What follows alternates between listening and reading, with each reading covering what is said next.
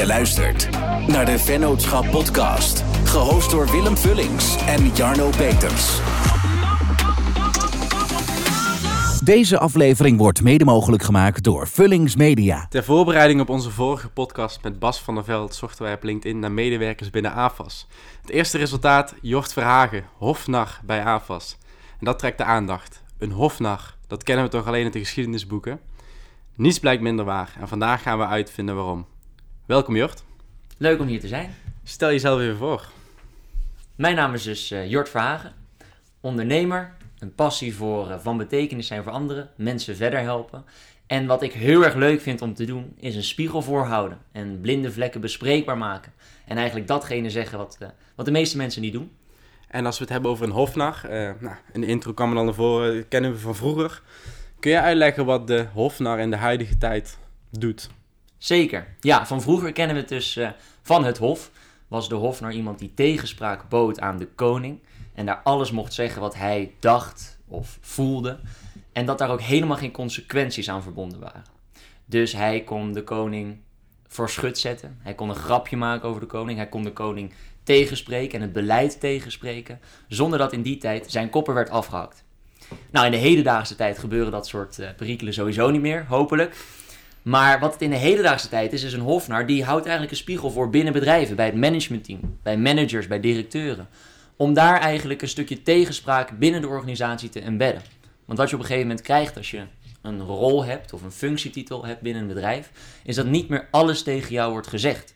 Terwijl het wel wordt gedacht en gevoeld. Kan ook tussen medewerkers onderling zijn, kan tussen directeuren onderling zijn. Um, maar wat je vaak ziet is dat dan niet alles wordt uitgesproken. En dat is ontzettend zonde.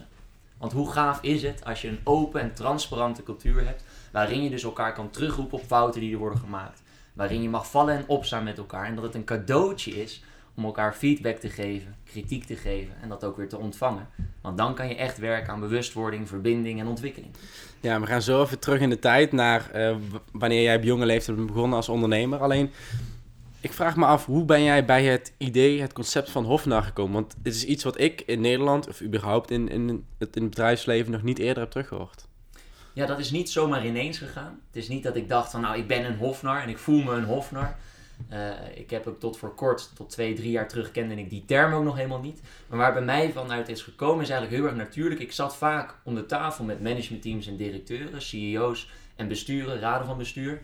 En ik merkte um, dat ik tijdens die afspraken een gevoel had dat ik wel heel veel uh, kon zeggen en durfde te zeggen. En dat anderen dat niet deden. En dat ik dan na zo'n gesprek te horen kreeg van, nou, je zei dat best wel direct.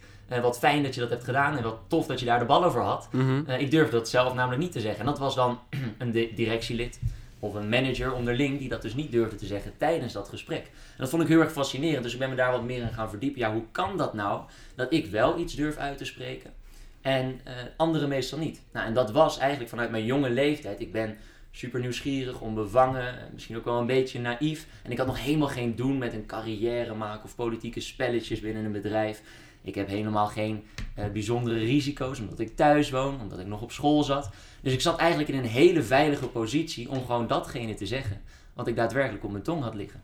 En uh, ja, daar wilde ik wat meer mee doen. En toen kwam ik uiteindelijk dus tegen uh, die functie van een hofnar. Ik las het ergens. En daar las ik dus precies die passage dat het iemand was die eigenlijk alles kon zeggen mm -hmm. tegen de koning. Nou, dan is het heel erg leuk om die parallel te maken met het huidige bedrijfsleven. In de, bij de overheden, bij onderwijsinstellingen, met de CEO of met de bestuurder, met de directeur. Dat eigenlijk dat de koning dan is en dat ik daar dan de hofnar mag zijn om uh, een spiegel voor te houden. Maar en bestond het concept hofnar wel al in het bedrijfsleven? Of is het echt iets wat jij hebt geïntroduceerd? Um, het gedachtegoed van Hofnar heb ik uiteindelijk ook wat meer onderzoek naar gedaan. Van hoe is dat dan eventueel al wel geëmbed in het bedrijfsleven. Mm -hmm. Maar eigenlijk kwam ik tot de conclusie dat die functie echt aangesteld worden tot Hofnar in het bedrijfsleven, dat dat er nog niet was. Dus uh, iemand gebruikte het wel eens een keer als een marketingverhaal. Hè, opvallen, dus dan gebruik je de term Hofnar. Uh, of toch een beetje voor het reflectieve vermogen. Want een Hofnar is ook eigen om ja, reflectie te stimuleren. Maar niet de rol in ere herstellen zoals het vroeger was aan het Hof bij het Hof was die uh, Hofnar gewoon in dienst. Die had daar gewoon letterlijk de titel Hofnar. Maar dat zag je nergens in het bedrijfsleven. Dus ja, daarin wel eigenlijk uh, de handschoen opgepakt om samen met, met ook een collega Hofnar geschiedenis te gaan schrijven. En die eh, eh, functie weer in ere te herstellen binnen de hedendaagse organisaties. Maar, maar ehm, je- praat erover alsof het heel normaal is. Je bent 18 jaar. Ehm, we zitten hier bij AFAS. Kun je dat eens even kort uitleggen hoe dat überhaupt mogelijk is? Ja, ik heb, ehm, ja, ik heb altijd een drive gehad om bezig te zijn. Ik wil niet stilzitten, dus misschien komt het daar vandaan. Eh, ik vind het heel erg leuk om van betekenis te zijn, wat ik eerder al zei. Mensen verder te helpen. En dat is toch wel echt vanuit, eh, vanuit een stukje verleden gekomen. Eh, vroeger wilde ik altijd heel erg graag voor een, voor een, sportpassie gaan. Tennis was dat toen er tijd. Nou, die droom is uiteindelijk in duigen gevallen dat ik daar iets mee kon doen. Blessures. Eh, ik vond het uiteindelijk het spelletje toch niet meer zo leuk, niet meer zo spannend. Maar ik wilde wel graag me gewoon ergens helemaal inbijten en daarvoor gaan en daar een succes van maken. Die drive zat er altijd gewoon ergens in. Mijn volledige potentieel benutten. Nou, en dat heb ik uiteindelijk wel gevonden in het ondernemerschap. Eerst ben ik begonnen met het organiseren van evenementen. En daar ging ik sponsors voor zoeken. En dat was eigenlijk het opstapje eh, naar concreet ondernemerschap. Want daardoor ging ik directeuren ontmoeten. Ik leerde bedrijfseigenaren kennen. En toen kwam ik een beetje in dat netwerkwereldje op relatief jonge leeftijd. Want ik was toen 13 of na 11 toen ik die evenementen ging organiseren. Dus ja, toen raakte ik eigenlijk al een beetje geïnspireerd door iedereen die ik ontmoette. Had altijd ook al een hele bijzondere fascinatie voor ouderen, voor volwassenen. Maar hoe kan je nu daar staan waar je nu staat? En ja, hoe ben je daartoe gekomen? Wat zijn je belangrijkste levenslessen? Altijd super nieuwsgierig en gefascineerd daarover. Nou, en dat was eigenlijk weer tegelijkertijd ook mijn inspiratie om zelf uiteindelijk die stap te maken. Ik zie dat eh, eh, volwassenen bedrijven verder kunnen helpen. En daarmee dus ook weer de medewerkers verder kunnen helpen. Dan worden de klanten verder geholpen van het bedrijf. En dan weer daar de medewerkers van. Dus die impact die je kan maken binnen het bedrijfsleven, maar ook binnen overheden of andere organisaties, eh, was voor mij toen echt ja, een soort van oneindig en zo groot. Dat ik dacht van nou, als ik daar eens aan kon beginnen, om daar ook aan bij te dragen. En ja, misschien ook wel oneindig impact te maken, wat een hele idealistische droom is, dat besef ik me ook. Ja, dat zou wel heel erg gaaf zijn. Wat denk je dat de reden is dat dat al zo vroeg kwam? Want het is natuurlijk abnormaal vroeg. Ja, ik, ik, ik, vraag hem het wel eh, eens af. Althans, ik heb die vraag vaker gekregen. Gisteren ook. Ik heb er gisteren nog een gesprek over gevoerd. Ehm, en ik vind het moeilijk om precies te duiden waar die ja, soort van drang dan vandaan komt om toch al vroeg te presteren. Ehm, je moet het zo zien, op de, op de middelbare school en eh, de basisschool had ik altijd een prestatiedrang om tienen te halen. Ik wilde en ik zal altijd die tien halen. Daar deed ik ook heel veel moeite voor. Lukte dat ook altijd? Eh, het lukte niet altijd, maar wel heel vaak. Wa- Was het perfectionisme of, is dat weer Ja, anders? dan? zeker. Ja? Ja, ik heb zeker perfectionisme gehad. Dat was een, een kracht, want dat gaf mij ook tegelijkertijd de discipline om uiteindelijk voor die team te leren. Dus wat ik deed is, ik pakte het schoolboek erbij en ik ging letterlijk de tekst uit mijn hoofd leren. Wat er stond. Dus op het moment dat er een vraag was op de toets, schreef ik gewoon letterlijk op wat er in het boek stond. Dus het kon gewoon niet fout gerekend worden. Dat was mijn trucje eigenlijk om te presteren in het onderwijssysteem. Ehm, eh, maar dat, ja, dat zat me ook wel heel erg tegen, want daardoor zat ik wel in een soort van, ja, misschien wel gevangenis eh, met een, een fixatie op tienen. Terwijl, ja, wat is daar nou de impact van en wat leer ik daar nou echt van? Heb ik wel geleerd om te leren of had ik gewoon een trucje gevonden om goed te presteren in het systeem zoals dat zo is? Nou, en daar heb ik op een gegeven moment wel een soort van besefmomentje gehad van, hé, hey, die tienen, dat, zijn niet, dat is niet de drijvende kracht achter eh, wat ik hier wil doen en wat ik wil betekenen op, op deze wereld. Nee, ik wil wel graag wat verder kijken dan dat. En toen is ondernemerschap onder de hoek, of om de hoek komen kijken. En daar vond ik toen mijn uitklep in, om daarin ja, misschien ook wel een beetje door te draaien, om daar die prestatiedrang op te zoeken. Maar die mate van zelfreflectie op die leeftijd. Kijk, ik denk dat Willem en ik het idee hebben dat wij er al vroeg bij zijn. eh, begin 20. Maar jij had dat. Hoe oud was je toen? Toen je, toen je tot dit besef kwam? Ehm, ja, echte reflectie. Lessen die zijn wel begonnen vanaf 11 eh, tot en met 13 een beetje. Daar begonnen die vragen wel. Wat, ja, bij ons wordt dat vanuit school totaal niet, werd dat totaal niet meegegeven. Is het iets wat vanuit, vanuit thuis kwam, vanuit je opvoeding? Of, of kwam het echt vanuit jezelf? Ehm, ja, die vind ik, vind ik lastig. Eh, ik, ik heb ook wel een, eh, een interessant, interessante kijk op de puberteit. Ehm, want heel veel mensen die plaatsen dat toch op een of andere manier in een negatief Mhm. daglicht. En dat vind ik eigenlijk raar, want wat je ziet is vanuit je opvoeding krijg je bepaalde waarden en overtuigingen mee. Nou, die heb ik ook meegekregen. Krijgt iedereen mee. En daar haal je uit waar, wat je eruit wil halen. Dus bijvoorbeeld, mijn moeder is heel erg zorgzaam. Kan ik heel erg waarderen, dus ik wil ook graag zorgzaam zijn. Mijn vader is best wel eh, pragmatisch ingesteld en weet van hoe die moet managen. Vind ik ook heel erg prettig om eh, te hebben, want ik ben ook ondernemer. Ik wil uiteindelijk ook kunnen managen. Dus die haal ik mee. Maar tegelijkertijd, wat er ook in je puberteit gebeurt, is je wordt ouder, dus je wordt bewuster. En betekent dat je ook zelf in de wereld kan ontdekken, ja, maar wat zijn mijn waarden en wat zijn mijn overtuigingen? Nou, die zijn niet altijd in lijn of niet volledig in lijn met dat van je ouders. En dan ga je dus op een gegeven moment discussies hebben of gesprekken hebben met je ouders, waarin je toch een beetje afzet van, van de ja, standaard ruimte waar je in zit en de comfortzone. Nou, en die uh, uh, comfortzone, die heb ik toch al redelijk snel ontdekt. En ik wist dat ik daaruit wilde stappen. Want ik wist dat ik ja, eigenlijk een ander levenspad wilde bewandelen dan mijn omgeving. Nou, en als je een ander levenspad wil bewandelen, moet je ook andere activiteiten gaan ondernemen. En moet je ook je anders gaan gedragen. Moet je misschien andere dingen gaan doen. Ja, toen heb ik toch wel opgezocht, ja, hoe, kun ik, hoe kan ik mezelf uitdagen? Wat kan ik op jonge leeftijd doen? Nou, iets organiseren, een evenement organiseren. Ja, dat kon ik wel doen. Dus dat was mijn eerste handvat om eigenlijk iets te gaan leren in de grote mensenwereld. Zoals ik er toen ook echt zo naar keek. En uh, ja, zo is het balletje eigenlijk gerold. En toen ben ik steeds meer mensen gaan ontmoeten. Al die nieuwsgierige vragen gesteld. Daar weer heel veel van geleerd. En ja, ontzettend veel praktijkkennis opgedaan. Uh, wat ik direct weer kon toepassen in het uh, ondernemerschap. En dat vind ik zo fijn aan in de praktijk bezig zijn. Op school was een super goede tijd. Ik heb gymnasium gedaan, heb daar veel geleerd. Maar het was niet kennis waarvan ik direct wist van, oh, dat kan ik hiervoor gebruiken of dat kan ik daarvoor gebruiken. Ik ben me wel van bewust dat het een stukje algemene kennis heeft meegegeven. Maar uh, alle feedback die ik nu krijg in de dingen die ik doe, kan ik direct morgen anders aanpakken. En, en dat is ontzettend waardevol. Je zei dat je perfectionistisch was, althans, hoe kwam het over? Mm -hmm. Is het iets wat je ook echt hebt afgelegd? Ik ben er wel heel veel mee bezig geweest. Hoe, hoe heb je dat aangepakt? Ik heb daar ook hulp bij gezocht. Dus op, uh, op school heb ik een, uh, een docent gevonden die dan ook leerlingbegeleider was. En die heeft mij eigenlijk geholpen met minder te leren. Mm -hmm. Dus met meer uh, te focussen op hoofdzaken in plaats van bijzaken. En het gesprek te voeren over ja, wat, wat, wat betekent nou eigenlijk een team voor je. Um, dus ja, daar, daar heb ik gesprekken over gevoerd. En dat hielp me wel heel erg om ja, het in een ander perspectief te plaatsen. En dus ook weer anders te kunnen gaan denken. Dus dat heeft me wel geholpen om wat meer van dat perfectionisme af te komen. Ja, en um, denk ik andere uitlaatkleppen vinden. Dus ik was van het begin van mijn schoolcarrière op de middelbare school, was ik toch best wel gefocust op dat organiseren en dat ondernemen. Dat betekent dat ik daar ook heel veel opofferingen voor heb gedaan. Dus geen, niet echt een sociaal leven had. Ik kom met iedereen prima overweg op school. Um, maar het is niet zo dat ik uh, ja zei op een feestje mm -hmm. of op een uitnodiging om eens een keer te gaan chillen.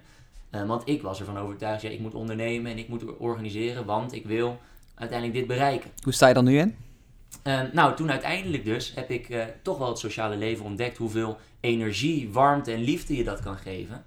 Um, dat was heel, heel bijzonder gegaan, want we waren op vakantie op Bali. dat was in de zomervakantie na de derde klas. Nou, daar kon je niet heel veel doen dan gewoon lekker zonnen en nadenken. En toen bedacht ik me, ja, wat wil ik met de laatste drie jaar van mijn middelbare school? Uh, en toen kwam dat stukje confrontatiemoment, reflectiemoment van... hé, hey, ik zou toch wel eens heel graag eens een keer een beste vriend willen hebben.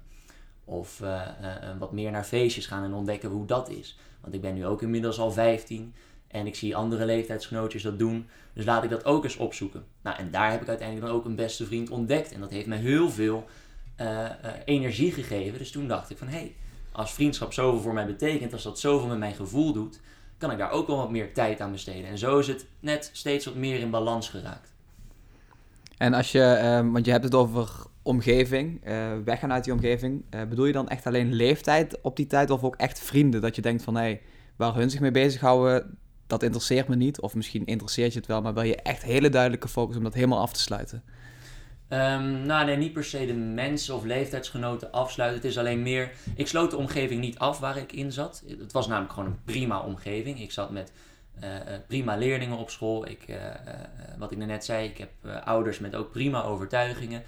de kennissen van mijn ouders ook. Alleen ik merkte wel dat ik geïnspireerder raakte door andere overtuigingen en andere waarden. Dus ik ging naast de huidige omgeving waar ik nog steeds prima in leef ben ik wel andere omgevingen gaan opzoeken om eigenlijk buiten mijn comfortzone te stappen en daar stukjes uit te halen waar ik heel veel aan heb. En daarvan te leren en daar mijn lessen uit te halen. Dus ik zoek nu af en toe eens een andere omgeving op. Um, ja, om eigenlijk te leren. En, en hoe ziet dat er nu uit? Want je bent nu 18 uh, met zo'n drukke agenda, met zo'n ambities. Hoe ziet je werk-privé-balans eruit? Um, goed, zou ik willen zeggen. Uh, tegelijkertijd um, denk ik ook dat het uh, werk-privé-balans, dat die er nog niet per se hoeft te zijn. Dus ik heb heel vaak wel van ondernemers gehoord van... Uh, Jort, ik zie dat je ontzettend hard aan het werk bent. Um, je bent ook in het weekend af en toe nog eens aan het werk. Zou het niet goed zijn om daar gewoon een wat beter balans in te vinden? Ik volg de gedachtegang.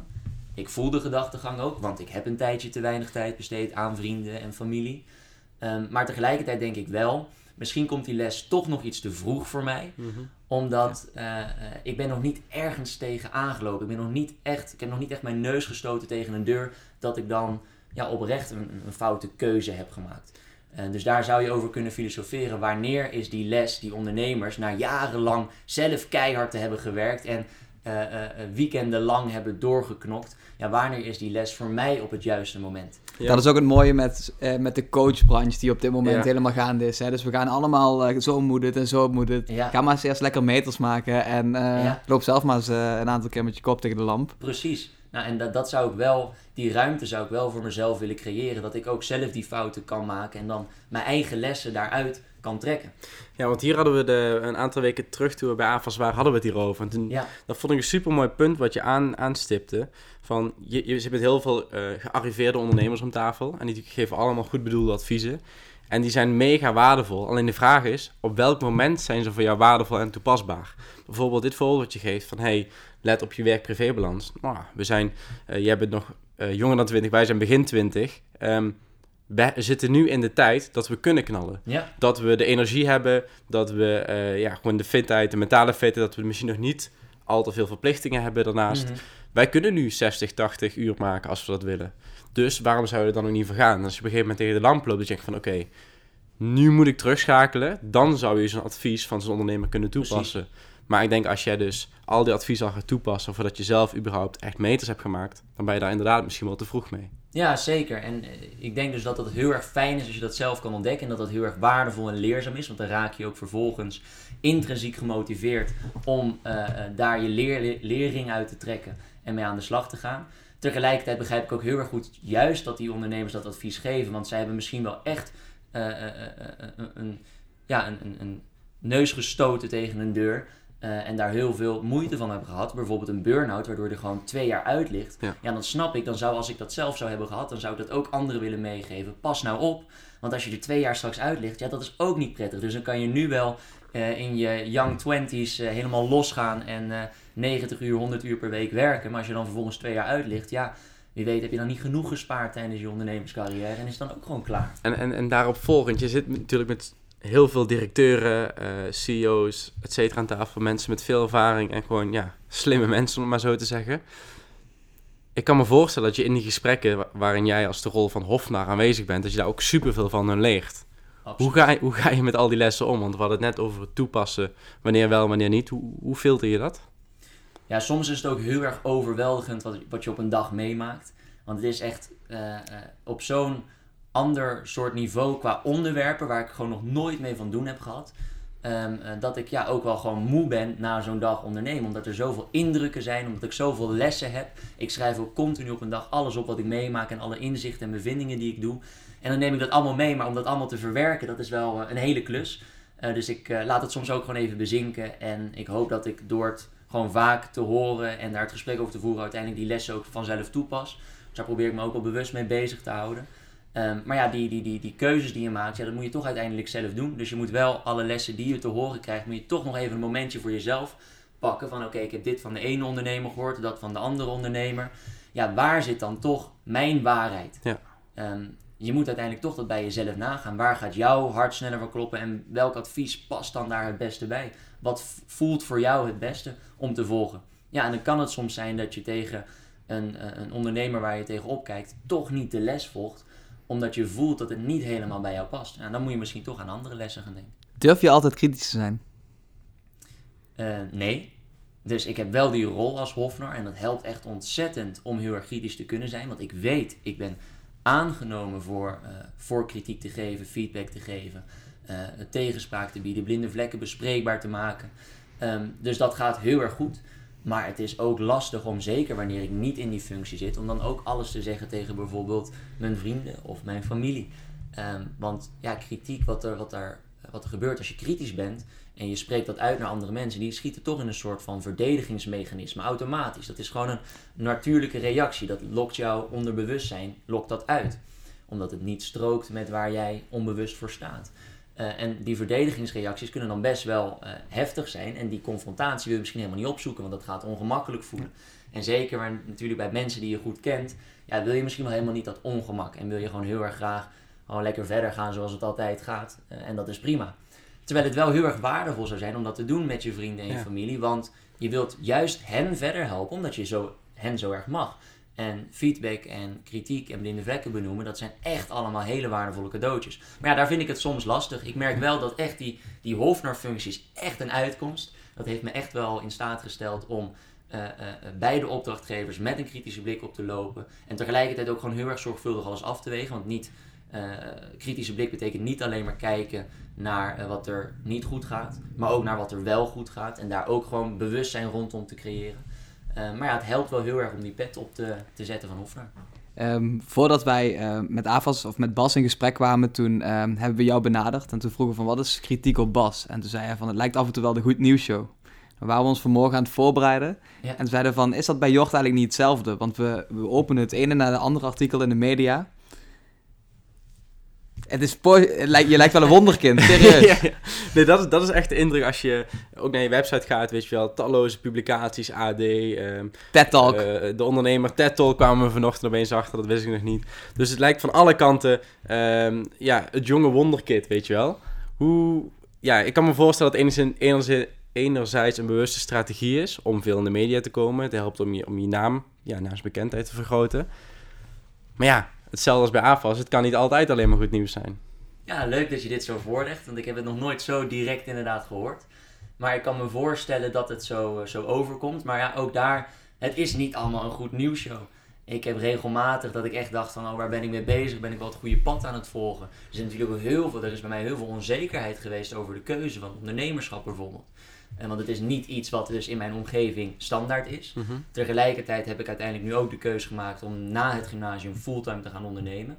In plaats van een ja, studie te doen op universitair niveau. Want dat is in principe het standaard pad wat je dan zou volgen. Dus ik moest enerzijds van het standaard pad afgaan. Ik moest mijn omgeving ervan overtuigen dat dit de juiste keuze was. Uh, wordt er ook wel in gesteund, maar het was niet zo dat... Kijk, stel je voor, ik had niet die passie van ondernemen. Dan was het ook niet dat mijn omgeving me richting ondernemen had geduwd. Het werd niet gestimuleerd. Het werd niet per se uh, vanuit de kiem gestimuleerd, nee. nee. Ik was wel met, zelf met het idee gekomen. Wat had je anders gedaan, denk je? Wat voor studie had je gedaan? Als ik een studie had gedaan, dan uh, denk ik dat ik iets van psychologie had gedaan. Of artificial intelligence. Het zijn twee hele verschillende dingen. Maar ik vind zowel de toekomst heel erg interessant en, en, en daarop inspelen. En kijken wat alle nieuwe generaties mee zullen maken. Nou, dan is artificial intelligence een hele logische keuze, denk ik. En psychologie, uh, ik vind de mens super interessant. Wat gaat er om in de mens? Misschien nog wel gecombineerd met uh, een stukje bio-neurologie. Dus uh, hoe de hersenen in elkaar zitten en welke stofjes er allemaal worden losgemaakt, waardoor bepaalde reacties worden uitgelokt. Vind ik super interessant. En misschien dat ik ook nog wel zoiets ernaast wil doen. Of daar bepaalde kennis op wil opzoeken in de praktijk. Dus als ik hier mee ga lopen met een psycholoog en zo op die manier mijn studie vormgeef.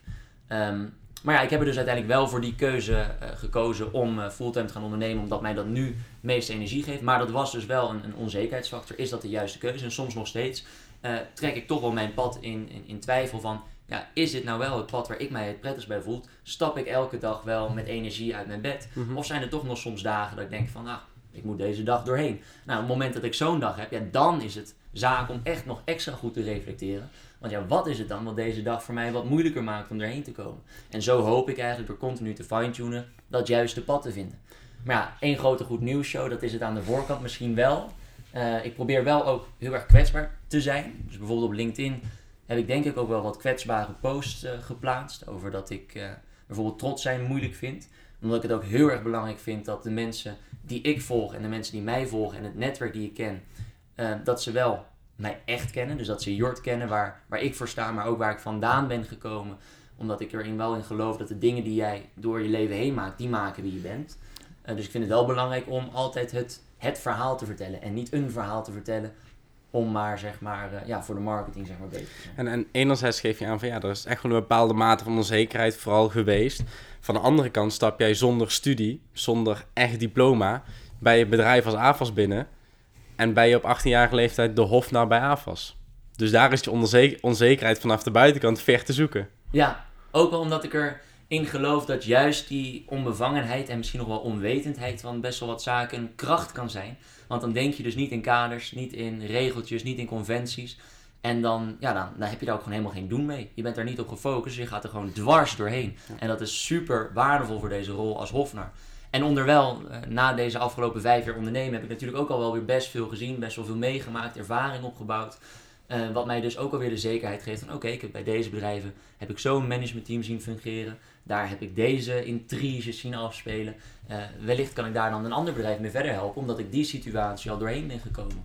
Dus het gaf me ook wel weer, ik voel me wel voldoende zeker om, ehm, ja, om deze stap te maken. Maar ik ben tegelijkertijd ook super dankbaar dat ik deze stap überhaupt heb mogen maken. Want dit is echt een ontzettend leerzaam avontuur bij onder andere dus AFAS. Ehm, maar ja, daarvoor eh, moet je natuurlijk wel die kans krijgen. Het is ook niet zo dat iedere eh, jongen van 18 jaar eh, door de CEO wordt uitgenodigd om hofnar te worden. Nee, want wat ik me afvraag, als we AFAS even als voorbeeld pakken. Je, je, je spreekt een jaartraject af en je, je, bepaalt je rol en je verantwoordelijkheden, je, je taken. Ehm, maar wa- hoe, hoe bepaalt de CEO van een bedrijf waar jij als hofnar in dienst gaat, ehm, of, of binnenkomt eigenlijk, want je bent extern uiteindelijk. Mhm. Ehm, hoe bepaalt die CEO nou van, oké, het is de moeite waard of het is eh, rendabel, om het maar met een lelijk woord te noemen, om een hofnar in dienst te nemen? Ehm, ja, je moet eigenlijk moet je gewoon in het begin moet je erin geloven dat ehm, je als CEO gewoon echt niet alles wordt.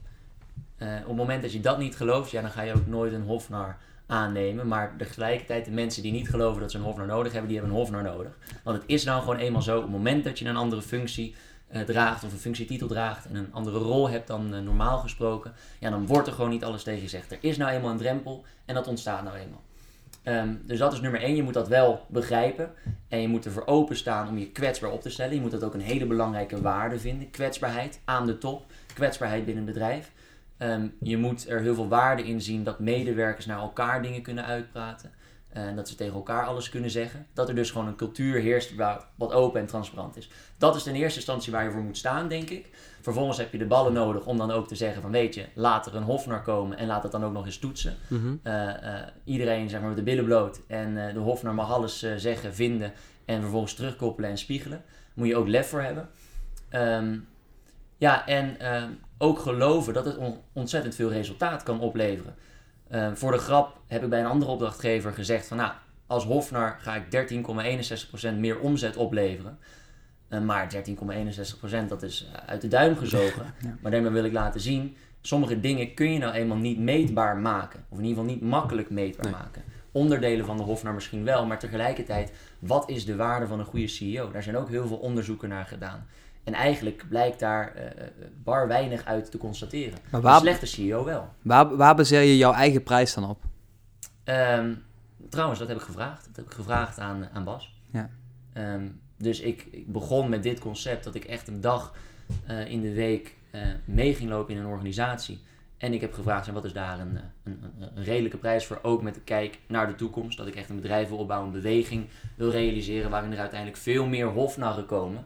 En eigenlijk elke organisatie straks een hofnar heeft. Nou, en daar heb ik met hem over gebrainstormd. Dus ik denk dat dat dan, ja, daar kan ik dan weer van zijn lessen leren als ondernemer. Wa- Was je het daar meteen mee eens of moest je daar nog wel over Ik onderhandelen? was het er meteen mee eens. Oké, Want je, geeft verder niet over in- op die te gaan. Je geeft aan dat, dat zeg maar, de, de taak van een hofnar is best wel lastig meetbaar te maken.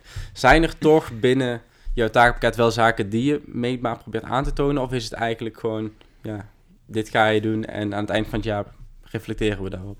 Nou, sowieso eh, noteer ik alle resultaten, inzichten en bevindingen die er worden gedaan, welke acties er worden ondernomen, welke veranderingen er plaatsvinden. Dan kun je vervolgens kijken, kan ik wat van die verandering, kan ik die kwantificeren, kan ik daar een waarde aan hangen. Maar je, zult, je kan het ook gewoon heel erg eh, gaan organiseren. Dus aan het begin van een samenwerking een nulmeting doen op een bepaald aantal vragen. Dus je zegt, eh, als Hofnar willen we graag meer openheid creëren. Nou, dan zou je een vraag kunnen stellen aan het begin van de samenwerking. Hoe ervaar je de openheid binnen de organisatie?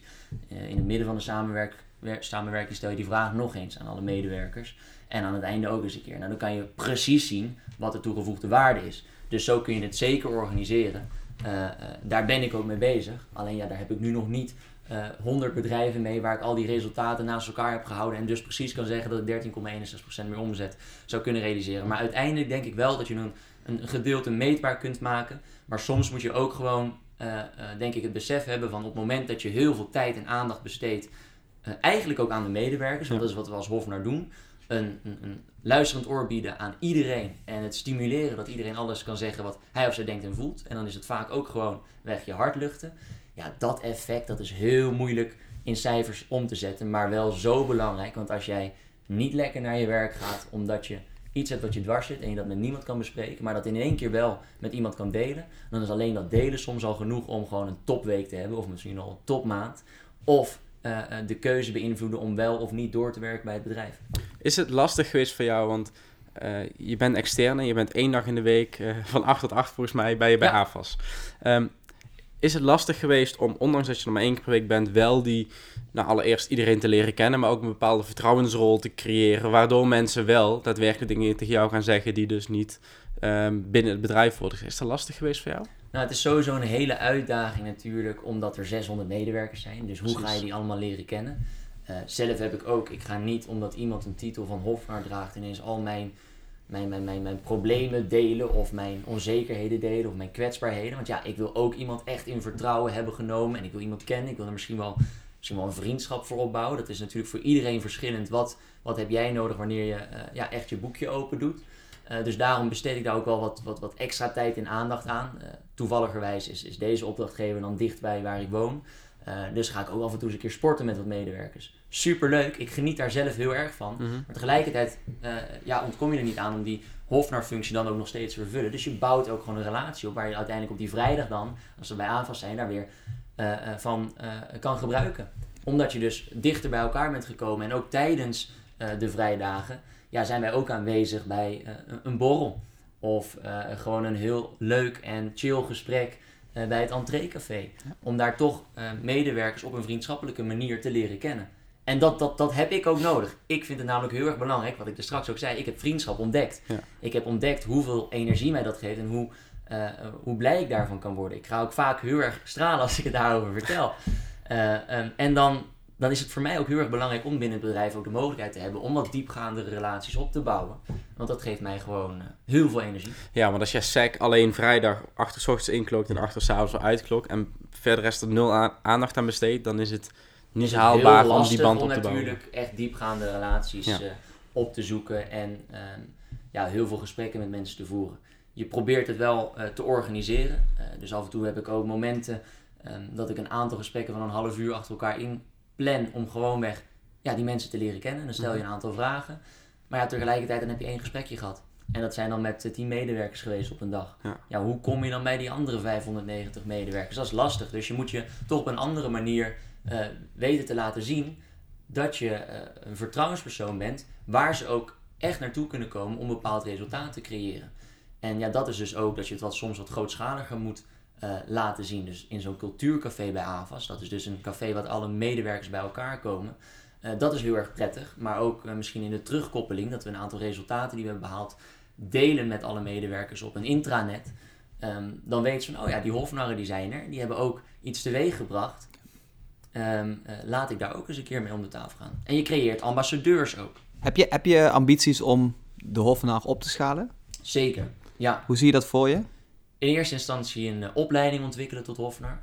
Want ik denk echt, nu ik zo bezig ben als hofnar, dat die functie ontzettend complex is. Ja. En dat het eh, eh, een- mengelmoes is van allerlei verschillende functies. Dus je bent een beetje psycholoog, je bent een adviseur, je bent een consultant. je bent ook wel een beetje entertainer. Ja. En dat was die, was die vroeger ook. Dus het, ja, eigenlijk van allerlei soorten verschillende functies. Vertrouwenspersoon, die is ook heel erg belangrijk. Eh, moet je dus je leerring trekken. En wat heeft een hofnar daar nou allemaal van nodig? Ja, en dat ben ik nu ook real life eh, eh, aan het checken. Ja. En aan het ontdekken en aan het onderzoeken. En aan het opschrijven. Om vervolgens daar een opleiding uit te fabriceren. En dan hofnarren te laten opleiden. En je moet er ook wel echt het type voor zijn, toch? De persoon voor zijn. Ik denk het wel. Ja, je moet het, nou ja, je, laat ik het zo zeggen. Je moet het leuk vinden om eh, eh, communicatief bezig te zijn, gesprekken te voeren, mensen te leren kennen. Je moet daar ook wel echt een oprechte nieuwsgierigheid voor hebben. Eh, ehm, eh, omdat je dat in de kern gaat doen. Je gaat heel veel praten, je gaat heel veel gesprekken voeren. En dan moet je je ook heel erg bewust zijn van zaken als vooroordelen en aannames, hoe je hersenen daarin werken en hoe je onbewustzijn je vaak beïnvloedt in je communicatie die je hebt. Dus je moet heel erg zuiver ook kunnen communiceren. Maar dan moet je wel interessante stof vinden om je daarin te verdiepen en daarin te duiken.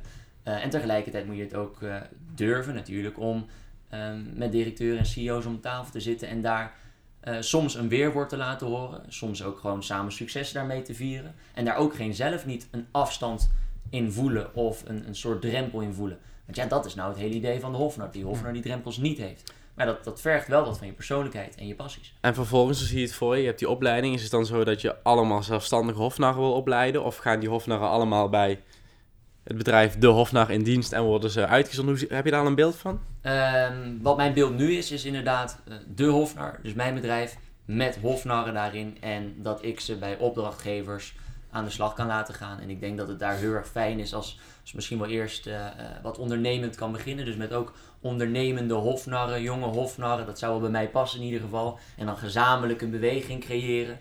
Uh, dat zou ik een super gaaf idee vinden om dat verder te ontplooien. En daar ben ik ook druk mee bezig.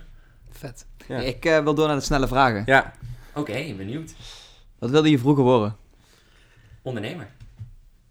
Wat vind je het allerleukste aan je werk? De gesprekken. Welke persoon inspireert je op dit moment? Hmm. Mijn toekomstige ik. Waar ben je het meest trots op? Oh, ja, die vind ik lastig. Want dat is dus ook iets wat ik lastig vind. Ja, je gaf het net aan, ja. Uh, ja. Ja, ik, uh, ja. Geen idee. Uh, nee, dan val ik stil. Is, is dat een samenwerking bijvoorbeeld? Of? Um, nou nee, misschien dat ik dan wel het meest trots ben om dus wel uh, die stap te hebben gezet naar ondernemerschap en buiten mijn comfortzone ben getreden. Um, want dat, dat levert het leven op wat ik nu leef en daar ben ik uh, aardig blij mee. Ja. ja. Kun je nog een blunder herinneren? ja, dat was toen ik een uh, evenement organiseerde, een rolstoel tennis toernooi. Toen dacht ik alle wijsheid in pacht te hebben, ik was 11 jaar. En dat had ik niet disclaimer. Um, maar uh, in die vergadering, dat was dan met het team waar we dat evenement mee organiseerden, samen met de voorzitter, um, liet ik heel erg mijn emotie een rol spelen toen ik zelf feedback ontving of kreeg. Um, dus ik was jong en ik dacht zeker wel het een en ander te vertellen te hebben. Ik had het tot op zekere hoogte ook wel, want het ging over mijn passie tennis. Nou, daar kan ik best over meelullen. Ja. Um, maar tegelijkertijd, ja, ik had nog totaal geen ervaring. En op een gegeven moment ja, ging het dan over een bepaalde keuze. Of we, volgens mij was het of we nou wel een rolstoel, tennis toilet moesten aanschaffen of niet. En ik was ervan overtuigd dat het wel moest. En de ander die was ervan overtuigd dat het niet moest. Omdat het dan heel veel geld kost. En daar dacht ik niet over na. Dus ik zag niet het hele plaatje. Uh, maar toen, op het moment dat ik dus die, dat gesprek aanging, was het een gesprek met alleen maar emotie. Uh, uh, ik ging bijna, nee, ik moest zelfs huilen. Um, en ik liet me van alle kanten zien, maar ook tegelijkertijd was ik niet echt lief in mijn bewoording. En ja, dat was eigenlijk mijn eerste leermoment van ja, zo ga je gesprekken niet aan. Dus ik ben ontzettend blij dat het toen is misgegaan, om mijn elfde jaar. Want daar, ja, daar heb ik nog steeds wel lessen uit. Maar dat was heel ongemakkelijk, het was heel emotioneel dat gesprek, terwijl het over zoiets ging als een rolstoeltennis. Maar dit is ook weer zo'n voorbeeld. Kijk, een ondernemer of, of een coach had je ook kunnen vertellen van ja, je moet een gesprek zo en zo niet aangaan en zo en zo juist wel. Maar doordat je het hebt meegemaakt, is het de grootste levensles tot nu toe misschien wel geweest. Ja. En anders dan was je niet zelf tegen die lamp aangelopen en had je het waarschijnlijk nog niet geleerd. Ja, nee, klopt. Dus echt, uh, daar, daar heb ik de les uit geleerd. Dat je niet vanuit emotie moet gaan reageren en dat je echt de ander moet horen, daarop door moet vragen. Uh, en vervolgens met elkaar moet afstemmen en elkaar als ja, professional moet zien en niet uh, als, als ineens vijanden op het moment dat er kritiek wordt gegeven. Want nee, dat is juist misschien wel een blinde vlek. En daar moet je voor openstaan om dat te kunnen ontvangen. Dus dat was eigenlijk een hele bijzondere les. Ik weet niet of ik die les toen der tijd echt begreep. Um, maar zo terugkijkend heb ik daar wel uh, veel uit gehaald en is mijn gedrag daar wel door aangepast. Ja. Hoe zorg je voor een optimaal energieniveau? Um, voor mij is slaap dan wel belangrijk. Ik heb echt acht uur slaap nodig. Misschien is dat ook maar een overtuiging die in mijn hoofd zit. Maar als ik acht uur slaap heb gehad, dan zit het goed. Um, tegelijkertijd merk ik de afgelopen tijd dat het wel best waardevol is om ook wel eens te sporten en even te lopen. Um, en rustmomenten op te zoeken. Dus gewoon specifieke rustmomenten. Nu mag ik even niks doen. Mhm. Om dan alles te laten verwerken in je brein. En ehm, wat ik van eh, een vriend dan heb geleerd, eh, contra-reacties. Dus op het moment dat je heel erg eh, eh, druk voelt omdat je het eh, ontzettend druk hebt en dat je heel veel dingen te doen hebt, ja, dan juist eens eventjes niks doen, omdat je daarna weer het overzicht ziet. Ehm, ja, op die manier. Hoe ziet je optimale werkweek eruit? Optimale werkweek is dat ik eigenlijk van maandag tot en met vrijdag van 8 tot 8 bezig kan zijn. En dan van 8 tot eh 10 nog even mijn mail kan beantwoorden enzovoorts. Maar dat ik gewoon echt lekkere volle dagen heb. Waar ik veel mensen in mag ontmoeten. Waar ik veel mensen mee mag verder helpen. Van betekenis kan zijn. eh, gehoor kan geven aan mijn eh, ambities, passies en dromen. Ehm, daar ook lekker hard voor, voor mag werken. Vervolgens ook een voldaan gevoel heb. En dan in het weekend eh, eh, vrienden opzoek en familie opzoek. Heb je nog tijd om te lezen? Ja, alleen ik neem die tijd niet altijd. Ik vind het wel prettig als ik dat wat meer kan doen. Dus ik probeer nu ook accountability op te bouwen met andere mensen. We gaan dit boek lezen. Mhm. Ik zou daar meer tijd voor willen maken. Moet ik ook doen. Tips? Tips voor? Lezen, boeken? Ehm, ja, wat, waar ik nu in bezig ben is het eh, eh, leven waarvoor je geboren bent. Volgens mij heet die zo. Ehm, en dat gaat heel erg over dus dat levenspad waar ik het er straks ook over heb gehad. En dat eh, is misschien wel een beetje een spiritueel boek. Dus ik weet nog niet precies wat ik ervan vind. Ik ben er ook nog niet helemaal doorheen. Maar dat gaat bijvoorbeeld ook over je geboortedatum. Nou, dat is iets heel abstracts. Ehm, maar ik heb ook eens een keer een periode gehad in het verleden dat ik me helemaal heb opengesteld voor spiritualiteit en voor mediteren en dergelijke. Ik dacht van weet je, ik ga het gewoon eens proberen, twee weken lang. Nou, toen is er toch wel het een en ander gebeurd dat ik niet kon verklaren. En eh ben ik er toch wel heel veel over na gaan denken. Het gaf me ook heel veel rust dat mediteren. Dus ik dacht van weet je, als ik nou gewoon soms eens zo'n periode creëer dat ik ergens voor open sta met mijn gedachten. Voor hele abstracte gedachten. Dan kan er misschien wel heel veel waarde uitkomen. Dus dat ben ik nu aan het doen met dit boek. En wie weet eh, komen daar nog wat leuke lessen uit voort. Tof. Heb je favoriete podcast? De Vennootschapspodcast. nee, en daarnaast? Eh, ik vind de BNR-podcast van Ben Tichelaar leuk. Ja. Die luister ik wel eens geregeld. En de CMO-talk. Dat is van... Ik weet even zijn naam niet, maar dat is Chief Marketing Officer ehm, eh, podcast. En dat is een hele leuke podcast waarin van allerlei grote bedrijven de, de Chief Marketing Officer wordt uitgenodigd. En die hebben een hele bijzondere kijk natuurlijk op, op het product, omdat ze het allemaal vanuit een beetje eh, marketingtechnisch oogpunt bekijken. En op die manier de organisaties leren kennen. Ja, dat is bijzonder fascinerend. Hey, Jan en ik gaan eh om beurt een dilemma voorleggen. Je moet meteen eh, antwoorden. Oké, Ochtend- of avondmens? avond. Specialist of generalist? Een specialistische generalist? Winst of groei? Groei. Spreken of luisteren? Spreken. Leider of volger? Leider. Gevraagd of ongevraagd advies? Ongevraagd advies. Heb je nog een gouden tip voor onze luisteraars? Durf grote dromen. Ik, ik, wil- ik wil nog ook een gouden tip, maar dan wil ik hem specifiek toesplitsen op hoe je beter kritiek kunt geven, maar ook kunt ontvangen. Heb je daar een, heb je daar een handvat of een tip voor? Ja, echt. Het enige wat ik zou zeggen is zie het als een cadeautje. Want cadeautjes, dat vindt iedereen leuk. En als je het zo gaat framen, dat kritiek een cadeautje is, dat het jou verder helpt, dat het de ander verder helpt, dat je daarmee elkaar verder helpt, ja, dan is het toch het mooiste wat er is. Waarom zou je het dan niet doen? Vind ik een hele mooie afsluiting. Zeker. Mooie aflevering. Bedankt voor jullie tijd. Thanks. Bedankt voor het luisteren naar de Vennootschap podcast. En vergeet niet te abonneren op Spotify en Apple Podcasts.